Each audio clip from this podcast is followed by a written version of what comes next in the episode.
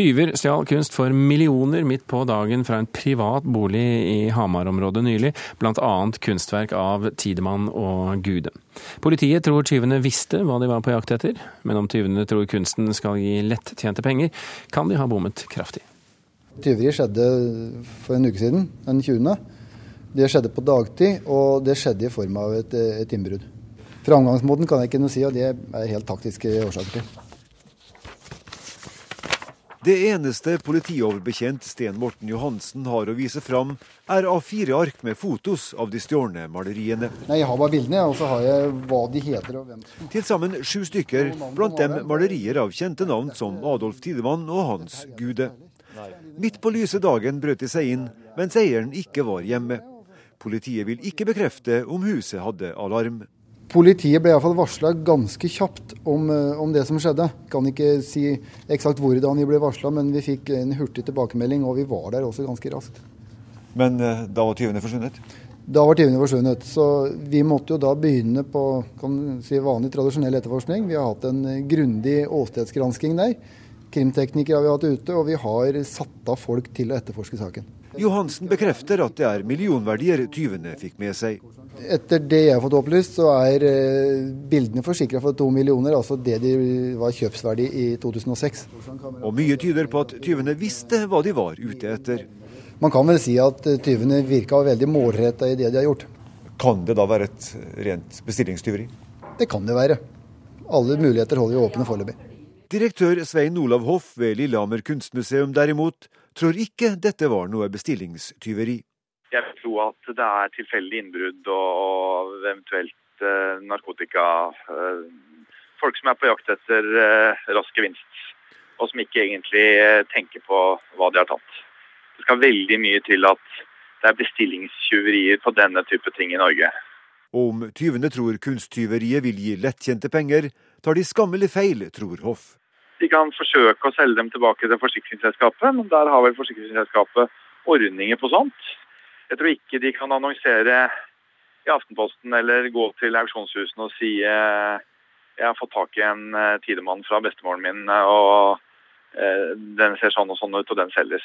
Norge er altfor gjennomsiktig, og markedet er veldig lite på den type bilder. Og du kan ikke selge stjålne malerier i Norge og slippe unna med det. Det går ikke. Og jeg tror ikke det sitter sånne, sånne halvgale samlere i skogen med, med palasser som, som, eh, betaler hundrevis av tusen kroner for å ha maleri på veggen som de må ta ned hver gang det kommer besøk. Det eksisterer ikke i Norge. Hva kan du si om hva slags spor har dere å gå etter? Jeg ønsker ikke å si noe spesielt om hva slags spor, men vi har sikra spor, vi har sikra observasjoner. Vi har eh, satt på det vi mener er nok etterforskere på saken. Vi prioriterer den, og vi håper selvfølgelig å få en løsning etter hvert. Men eh, det kan ta tid. Det sa politioverbetjent eh, Sten Morten Johansen i politiet i Hedmark til reporter Kurt Sivertsen. Knut Forsberg, leder for Blomkvist kunsthandel her i Oslo. Hvilke bilder er det snakk om her?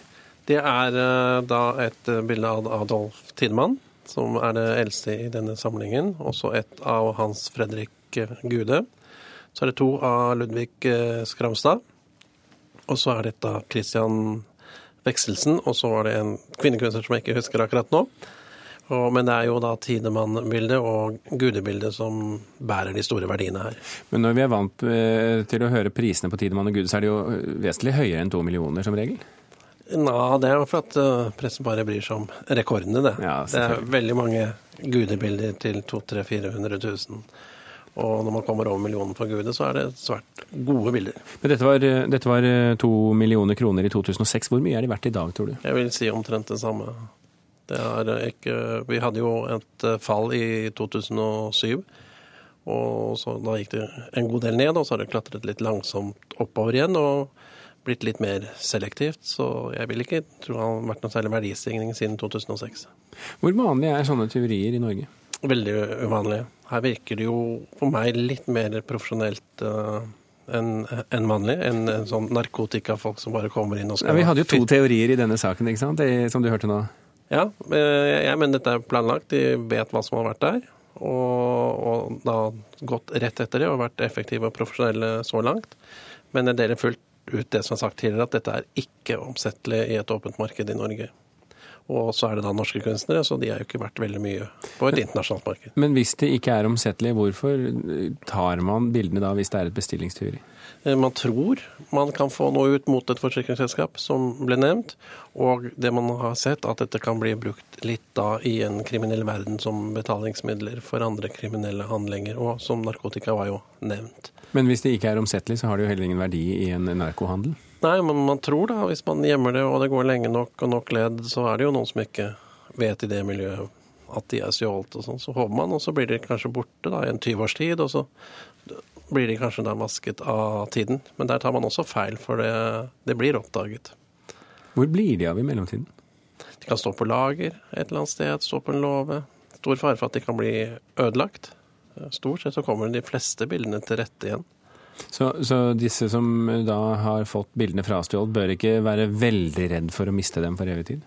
Nei, det vil jeg si. De burde være ganske optimistiske på å få det igjen, men det er jo da spørsmål på skadene, da, hva som har skjedd. Vi er jo kjent med bestillingstyverier og skumle bakmenn og kanskje en rik kunstsamler på toppen av det hele fra, fra filmlerretet. Men hvor, hvor, relevant er sånne historier i forståelsen av sånne saker som dette? Det hører hjemme på filmlerretet. Det er sterkt overdrevet. Og som også ble sagt, at det, det fins ingen som har noe bestillingstyveri på malerier i stor utstrekning.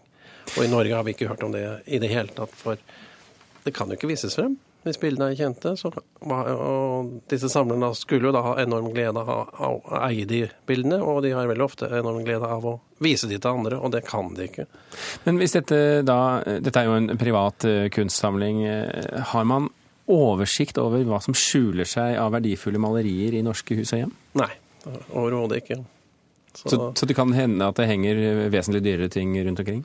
Å ja, det vet vi jo at det henger mye dyrere bilder og mye større samlinger rundt omkring som ikke er kjent.